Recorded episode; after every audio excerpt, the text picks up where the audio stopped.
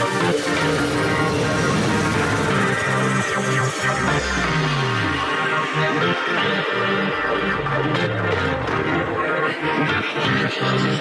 it's story time. Back with our new storyteller hari ini, seorang diva, seorang teman, a person yang sangat baik. Kalau datang ke gedung ini pasti telepon saya. Beb, kamu di mana? Naik dong. Beb, kamu di mana? Turun dong. Itu aku appreciate banget dia segitu ingat terus sama saya. Siapakah dia? Aura Kasih. Halo, halo. Hai deh, thank you for coming. Ya. Thank you ya, selalu ingat aku kalau ada di gedung ini ya. Walau Either kita ketemu cuma iya, lima iya, menit iya. ya. Either mau ini ya, Beb, reservasi dong Iya, gitu ya. nggak apa-apa. Itu sih selalu pasti aku bantu. Hari ini aku mau bahas beberapa hal nih. Iya. Awal perjalanan karir pastinya film bersama MD walaupun kita baru satu film, but aku berharap coming up the next one kita ada. Iya. Amin. Kamu juga lagi mulai bisnis kecantikan kan? Iya. Dan itu aku lihat lagi promising juga pastinya. Terus rencana karir ke depan sama baru single rilis juga. Plus kita akan bahas yang lain ada kehidupan, terus cinta aura kasih dan lain-lain. Kita start mungkin dengan awal karir ya. Ya. Kamu tuh gimana bisa awalnya masuk ke dunia entertain ini? Sebenarnya dari awal tuh tahun 2007 aku ikut Miss Indonesia. Terus eh, sebenarnya nggak ada tujuan ke entertain sebenarnya. Tapi nggak tahu kenapa waktu itu aku lagi ketemu teman, terus temanku ini ternyata sahabatan sama manajerku yang sekarang, Eh, produserku juga. Eh, dia bilang gue cari penyanyi cewek nih katanya gitu. Terus kan aku bilang, aduh gue gak nyanyi dan gak ada bakat di seni, aku bilang gitu sama sekali gitu. Jadi eh kayaknya nggak nggak deh. Terus dia bilang, udah ketemu aja dulu terus belajar. Terus akhirnya tadinya tuh mau diduetin sama salah satu band tuh dulu kertas sebelum Armada. Oke. Kan ganti nama tuh jadi Iya, Armada. ganti nama. Mau diduetin katanya. Tapi pada akhirnya malah malah dibikinin album. Akhirnya ya udah eh, kecemplung di apa nyanyi gak lama tuh mulai mulai ada iklan, mulai ada film, mulai ada sinetron gitu. Jadi ya akhirnya udah nyemplung di situ sampai sekarang. Tapi nyanyi emang passion kamu dari awal. Sebenarnya eh, aku tuh nggak ada passion di entertain sebenarnya nggak ada sama sekali. Tapi memang ya mungkin eh, jalan hidupnya di- ternyata di sini gitu kan. Ya udahlah karena ada kesempatan dan aku kan tipe orang yang mengalir gitu. Jadi ada apa di depan aku selama itu masih bisa aku kerjain dan nggak bikin aku rugi dan tidak merugikan orang lain ya aku pikir ya jalanin aja lah gitu. So terus abis itu baru masuk main film dulu apa sinetron dulu? Film dulu. Waktu itu tuh 2009 tuh film dulu. Film dulu ya? pertama. Dari film, beberapa film, baru kamu langsung masuk ke sinetron. Sinetron. Kalau kamu suruh pilih film atau sinetron, Sebenarnya kemarin tuh banyak juga nawarin sinetron, cuman karena udah mulai ny- nyaman di film kali ya, cara aktingnya juga beda kan. Jadi aku pikir kayak film lebih asik deh. tapi dari segi uang, Dari segi budget mah kayaknya ya sinetron bisa sekali main tuh udah bisa kita ya udah beli rumah lagi dah gitu. Tergantung kebutuhan sih sebenarnya. Lagi pengen apa? Misalkan aku pengen beli rumah di mana nih? Ya udah ya udah sinetron aja dulu gitu. Kerja bener gitu. tapi kemarin sempat banyak kan sinetron kan? Sempat beberapa tuh- judul kan? Nggak sinetron, aku tuh baru ada dua sinetron. Oh baru dua ya? Baru dua. Tapi lumayan panjang-panjang kan? Lumayan panjang.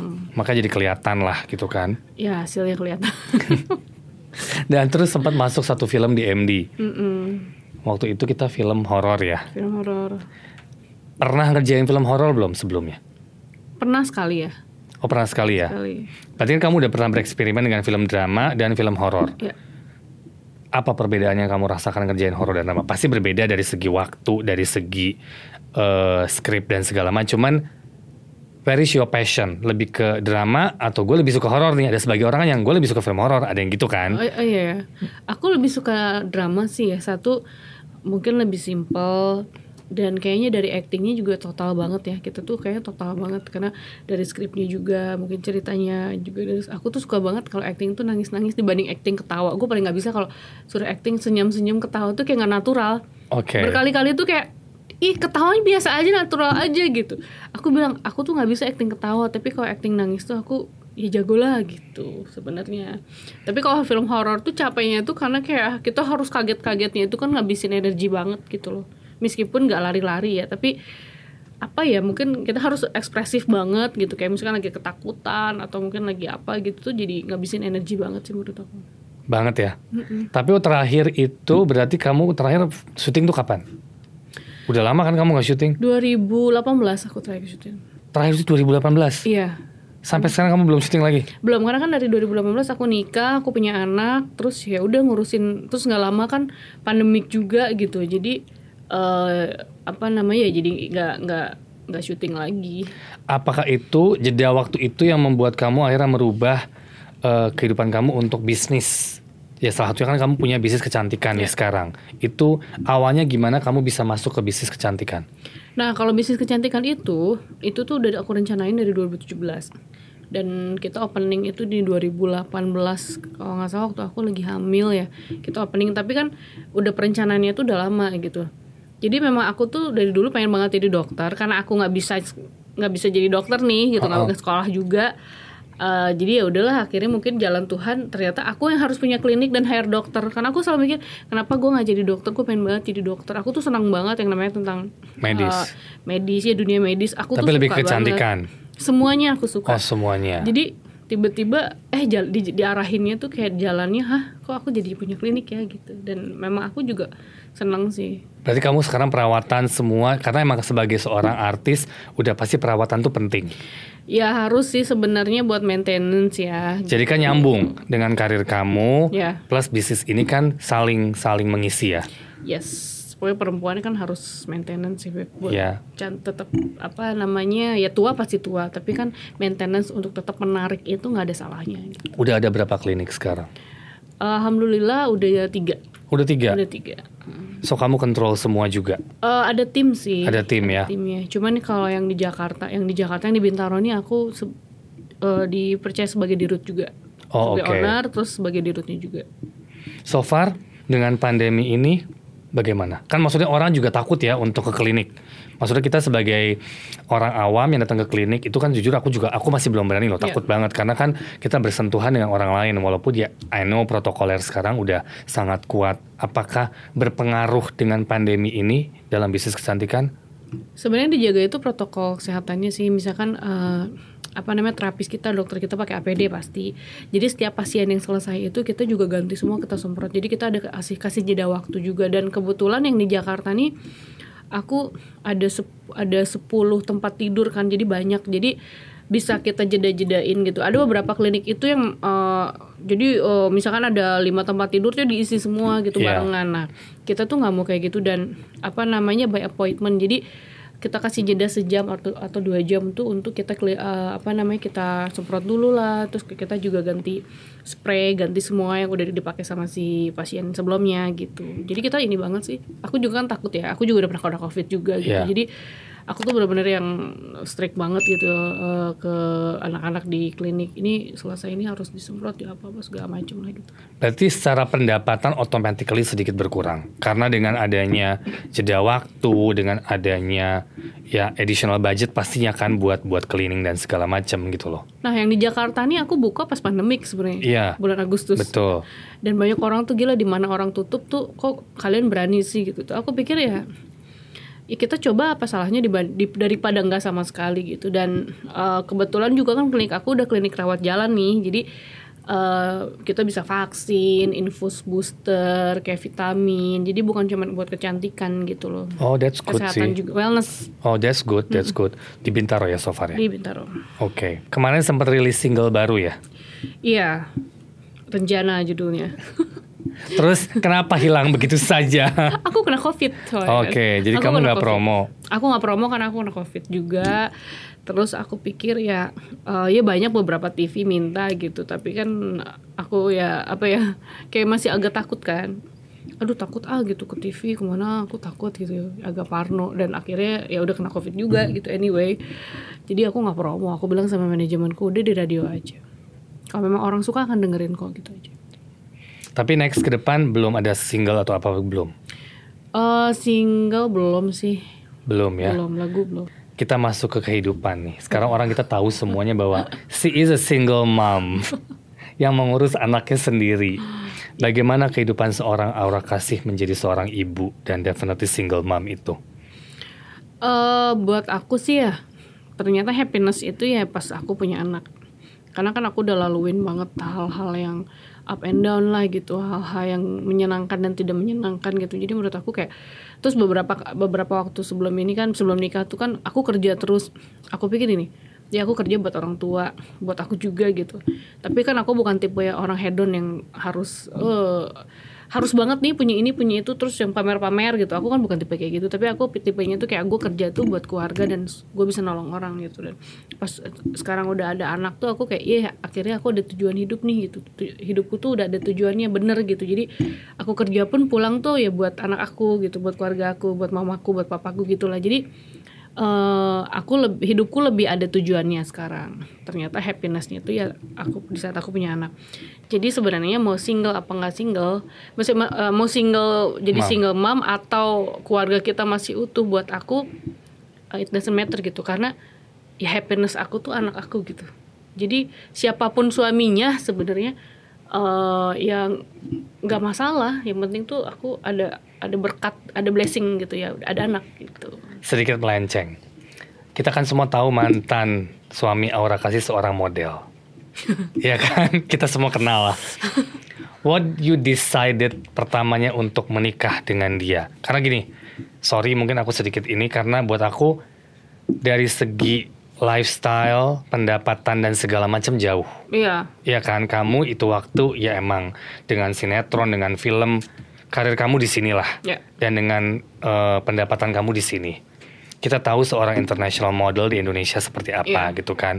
Eh, Nggak sebanding if we compare with ya, you. ya, ya. Apa yang membuat kamu decided yes, I want him? Eh, pertama itu gini ya, aku bilang tadi di saat aku lagi kerja terus nih kerja terus kayak gue ngejar apa sih gitu. Hidupku juga gini-gini aja. Maksudnya nggak yang ya aku bilang tadi aku ya harus yang hedon banget. Terus gue pamer-pamer orang. Nih gue puas banget nih gue habis pamer gitu. Nggak gitu. Tapi hidupku tuh ya gini-gini aja. Tapi aku pikir ya itu kok kosong ya gitu. Kenapa ya? Apa yang kurang gitu? Dan aku tuh kayak ngerasa setiap eh, aku tuh selalu tuh nulis di story dulu ih I hate sunset gitu. Kayak kok senja tuh nggak enaknya? Kenapa kayak kesepian gitu. Apa ya ini? Apa ya? Punya pacar pun aku tetap ngerasa kok kesepian. Apa ya? gitu loh. Dan mungkin aku pikir kayaknya aku harus punya anak deh gitu karena aku bilang mau cowoknya siapa pun aku bilang aku harus punya anak. Jadi aku bukan karena dia mau dia model entah misalkan eh, mantan suamiku ternyata dia pengusaha atau mantan suamiku dulu penyanyi dangdut atau apa pun nggak ngaruh buat aku sebenarnya. Aku tuh nggak lihat profesi orang aku tuh sebenarnya jalannya lurus-lurus aja kan penting aku punya anak gitu Tapi kamu ada kepikiran nggak bahwa materi is important ya? Kita tahu, maksudnya itu itu semua orang menerima itu bahwa materi itu penting dalam Ya. kehidupan suami istri, punya anak. Kita harus mikirin anak sekolah ke depan panjang. ya Di awal kan kamu udah tahu secara materi kamu jauh di atas lah. At that time ya, jauh di atas. Kita nggak pernah tahu nasib orang when they- dia berubah menjadi siapa kita nggak pernah tahu. Nah itu kan itu lumayan positioning yang berat untuk kamu bisa memilih dia. Eh, Oke, bisa kamu udah udah cerita tadi bahwa yang penting aku mau punya anak, punya keluarga, ya rezeki Tuhan yang ngatur, semua akan jalan. Tapi nggak segampang itu kan dengan gaya style kamu, hidup kamu yang oke, kamu set nggak hedon, tapi maksudnya kan people see you as a superstar, bintang gitu kan, punya standar di sini gitu kan. Untuk nyamain ke sini kan juga you need a company ataupun uh, partner yang at least bisa di level itu gitu. sebenarnya itu memang ya materi ya semua orang pasti butuh, Butuh, betul. dan udah pasti jadi tujuan hidup masing-masing orang kan. Tapi balik lagi levelnya beda-beda. Ada orang tuh misalkan let's say ya kayak 100 juta sebulan gue cukup. Ada yang gak cukup lah 100 juta gue buat beli tas doang gitu. Beda-beda levelnya. Jadi sebenarnya menentukan orang itu eh, materialistis atau enggak atau mungkin orang itu hedon apa enggak itu dilihat dari lifestyle-nya mereka masing-masing. Jadi ya misalkan aku dua ribu aja bisa minum bisa makan dan minum kok gitu. Tapi ya di pinggir jalan ada yang gila dua ribu mana muat gue cuma 2 juta itu buat di buat di restoran loh gitu. Istilahnya kayak gitu. Jadi aku tuh fleksibel hidupnya aku bisa ngikutin. Tapi dalam artian selama itu nggak merugikan ya sekarang aku misalkan aku nikah tiba-tiba merugikan tiba-tiba amit-amit gue bangkrut. Wah gue jual rumah gue jual mobil itu baru nggak boleh. Tapi kan selama hidup masih bisa ditata dengan baik dan aku mikirnya gini yuk kita bareng-bareng aja gitu. Kita bareng-bareng namanya juga udah suami istri terus dari di agama pun ya istri tuh juga harus apa harus ngikut ya. Ya. bisa apalagi kalau bisa support tuh buat buat kita tuh kayak udah apa namanya wah dapat poin plus dari Tuhan deh gitu lu maksudnya mau begitu gitu nah aku pikir ya eh, ya ini yang tadi aku bilang siapa pun dia dan profesinya apa menurut aku tuh waktu itu kan aku ya sama, sama mantanku kan kayak cocok anaknya juga baik banget Ya, gitu terus aku juga pengen punya anak udah that's it tapi kan Pandangan aura tahu. tentang anak. kenapa kenapa Pandangan orang tentang anak. Kan kamu bilang kamu pengen banget punya anak nih. Sekarang dengan kamu sudah mendapatkan itu, gimana tuh sekarang? Yang pasti aku happy banget.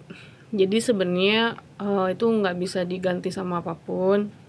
Happy dan ya itu dia. Yang penting tuh tuju- hidup itu punya tujuan. Ada orang tuh hidup yang ya lari-lari mulu nih, wah nggak tahu ngejar apaan karena mungkin nggak ada tujuan gitu loh. Mungkin dia udah punya semua. Dia pengen punya rumah yang besar, dia pengen punya bisnis, dia punya ini, punya itu, dia udah punya nih. Tapi tujuannya apa? Nggak tahu kan. Nah kalau aku kan sekarang tuh kayak oh ya udah jadi aku udah punya tujuan jadi hidup eh, apa namanya aku mau ngapain aku mau kerja aku mau ada apalah gitu istilahnya itu kan buat anak aku semua gitu jadi ya priceless lah buat aku priceless banget Sekarang anak umur berapa? Eh 20 bulan 20 bulan, lagi lucu-lucunya banget ya. iya Udah mulai bisa jalan dan ngobrol, ngomong. Kayaknya kamu pernah posting ngomong mama atau Iya. apa gitu kan. Aku pernah lihat. dia tuh dari umur setahun udah bisa jalan terus umur satu tahun lebih tuh udah bisa ngomong udah pokoknya udah udah udah segala bisa lah sekarang udah lagi lagi pinter-pinternya banget gitu Nah, sekarang kan kamu juga masih keluar kan, pasti ada pekerjaan. Di rumah dia sama siapa? Ada yang nguruskan. Jadi ada bapak aku, Oke. ada babysitter juga, ada mbak aku. Terus mamaku juga sering ke Jakarta. Jadi aku tuh pikir, aku pikir ya dia itu nggak akan pernah kehilangan sosok figur siapa pun karena semuanya lengkap di rumah. Alhamdulillah kayak babysitternya pun, mbakku pun juga sayangnya beneran bukan orang kerja ya. Sayangnya kelihatan mereka tuh sayang. Jadi aku Oke. pikir ya gila aku bersyukur banget nih punya orang-orang di sekeliling aku tuh yang baik dan bisa menyayangi anak aku tuh kayak kayak kayak ke anaknya sendiri gitu jadi aku pikir tuh eh, anakku tuh nggak akan kehilangan figur bapaknya atau mungkin karena mungkin aku kali-kali aku sibuk kan Iya. dia nggak akan kehilangan figur aku juga gitu Apa yang finally you decided untuk bercerai? Eh, banyak ketidak ini aja sih. Klasik ya kalau orang Iya. ngomong tuh kayak aduh gue putus gue cerai nggak cocok lagi. Tapi memang itu ya ap- apa adanya. Itu tuh aku kayak aku dulu sering nanya orang kok cerai kenapa sih? Gitu. Ya gue udah nggak cocok. Nggak cocok tuh apa sih? Gitu loh. Hmm. banyak faktor. Satu nggak cocok itu mungkin kita udah nggak bisa ngobrol. Nggak cocok dong. Sekarang sama teman aja kita dua jam diam diaman cocok nggak sih? Enggak. dong. Mm-mm. sekarang yang menemani kita sampai tua itu di mana kita tuh udah nggak bisa ngapa-ngapain ngobrol dong. Ya. udah kita tuh udah nggak bisa ngobrol juga gitu. Jadi banyak hal banyak faktor yang bikin kita tuh jadinya nggak bisa ngobrol. Udah gitu aja. Abis itu juga karena dia juga cabut ke Thailand kan. Yes. eh, ya Dengan dia pandemi pikir ini. ngejar karir dan aku mulai mikir kok gue sendirian ya? Gitu. Kok kok nggak balik ya? Kenapa ya? Ada apa ya? Dan udah di situ pun kita udah nggak pernah ngobrol gitu. Adapun juga pas dia di sini pun sebenarnya udah nggak udah nggak ngobrol juga. Jadi banyak faktor lah. Akhirnya aku pikir eh udah kita udah divorce aja lah gitu maksudnya buat apa? Toh kita masih family. Adapun aku kemarin sempat berantem berantem sama dia ya udah kita manusia kali. Kita masa sih nggak pernah berantem? Nggak ada ego. Ya dong. Jadi ya aku pikir eh itu hal-hal yang ya banyak Lumrah. faktor lah. Uh-uh. gitu. Yang bikin kita tuh kayak udah nggak bisa Tapi di awalnya apakah dia langsung iya atau dia bilang no I don't want? karena banyak masalah juga sebelum ini gitu ya ya itu karena nggak ngobrol gitu Uh-uh. kayak Kurang komunikasi ya. pemikirannya tuh kayak nggak nyampe jomplang banget pemikiran ya Mm-mm. banyak orang tuh mikir iyalah duitnya kurang Padahal apa, bukan gitu. itu ya. Iya, tapi kan ada orang juga nanyain terus gimana soal eh, pas ini tuh masih menafkahi apa enggak ya? Gue sih jujur aja ya, udah enggak. Mungkin ya lagi pandemik juga atau apa ya? Gue nggak apa-apa gitu loh ngerti sih? Gue tuh nggak apa-apa gitu. Kan ada orang yang berspekulasi seperti itu, makanya aku aku jelasin gitu. Jadi ya sebenarnya ya itu dia sih udah ya udah ayo nggak apa-apa. Tapi aku bilang kalau mau balik kapan pun mau lihat ketemu anaknya ya nggak apa-apa. Wel- Welcome ya. Iya nggak apa-apa. Walaupun dengan kondisi ini kan kita nggak bisa Ya. come and go at the moment kan gitu kan. Oke tentang family kamu juga rencana ke depan kamu nih karir dan seberapa jauh apa yang kamu ingin lakukan ke depan? Kamu udah vakum 3 years, 2 tahun, 3 tahun? Dua tahun. 2 tahun. So what's your plan next? Oh, nah, aku tuh dari dulu sering bikin planning, tapi ternyata tidak sesuai dengan ekspektasi aku. Pisces ya. Ya. Jadi sekarang tuh aku mulai belajar untuk mengalir aja, tapi tetap berusaha mengalir tuh eh, kan kita nggak tahu tiba-tiba di depan bakal ada apa. Ya. Terus tiba-tiba aku diarahin tuh sama Tuhan tuh diarahin nih misalkan kerjaan satu nggak nggak nggak dapet bisa diarahin ke tempat kerjaan yang lain ya which is kayak ih kok nih bisa ada di sini sih? Gue kok bisa ya? Ya berarti kan mengalir. Jadi kalau kita manusia kan bisa ikhtiar doang nih gitu. Tuhan yang ngatur semuanya. Jadi sekarang tuh aku sistemnya mengalir aja sistem mengalir. Aku ikutin aja dulu gitu. Yang penting aku masih bisa ngerjain dan aku punya potensi di situ. Jangan maksain inti gitu aja jadi kalau dibilang ada planning apa enggak belum Belum. Tapi kalau ada yang ngajak syuting mau nggak? Dari Ya. kemarin masih belum mau sih. Dari kemarin masih belum mau sih. mau mau mau aja nanti kita Nanti tunggu waktu yang tepat Tunggu ya. waktu, yes Seberapa penting pasangan menurut Aura kasih? Jadi pasangan itu sebenarnya kan buat buat kalau bukan bukan cuman apa namanya tempat kita berkeluh kesah enggak juga gitu loh. Tapi eh, pasangan itu sebenarnya buat ngobrol kita bisa ngobrol apa aja gitu. Eh, buat tempat tempat kita sharing hal yang hal yang menyenangkan atau yang tidak menyenangkan gitu. Menurut aku sih itu. So sekarang dekat sama siapa nih? Kalau secara agama tuh aku udah divorce nih, cuma aku tinggal tunggu putusan aja. Oh masih putusan masih belum ya? Eh masih April. Oh masih Masih April. Sidangnya April. So sekarang masih fokus sama keluarga dan anak dulu ya. Iya, ya sambil menunggu inilah. Aku sih nggak nggak nggak nggak buru-buru mau wah gue harus dapet nikah lagi nih gitu. Nggak buru-buru juga. Ya maksudnya sedapatnya aja gitu. gue mau ngerek lebih cuma gue takut. Takut salah ya. ya gitu. Thank you, thank you so much. Men- pesan dan kesan dari Aura dong. Apa ya? ya, ya tadi kamu bilang tadi awal jangan buru-buru nikah. Enggak enggak. Eh apa ya? Pokoknya hidup itu sebenarnya harus harus ini ya. Pakai sistem mengalir aja. Karena gini, ya kita udah berekspektasi, kita udah berplanning banyak, tapi ternyata realis- realisasinya tidak sesuai yang kita inginkan gitu. Jadi Betul. aku tuh sekarang hidupnya tuh lebih mengalir aja gitu. Jadi buat orang-orang mendingan ya mengalir aja tapi tetap berikhtiar aja gitu. Oke, last question. Proses mendewasakan diri yang uh, Aura bisa share ke kita. Kan selama ini kan kamu struggling so much ya. Maksudnya kamu berjuang everybody knows lah dari awal kamu karir sampai sekarang bisa di posisi ini kan it's not a simple thing ya.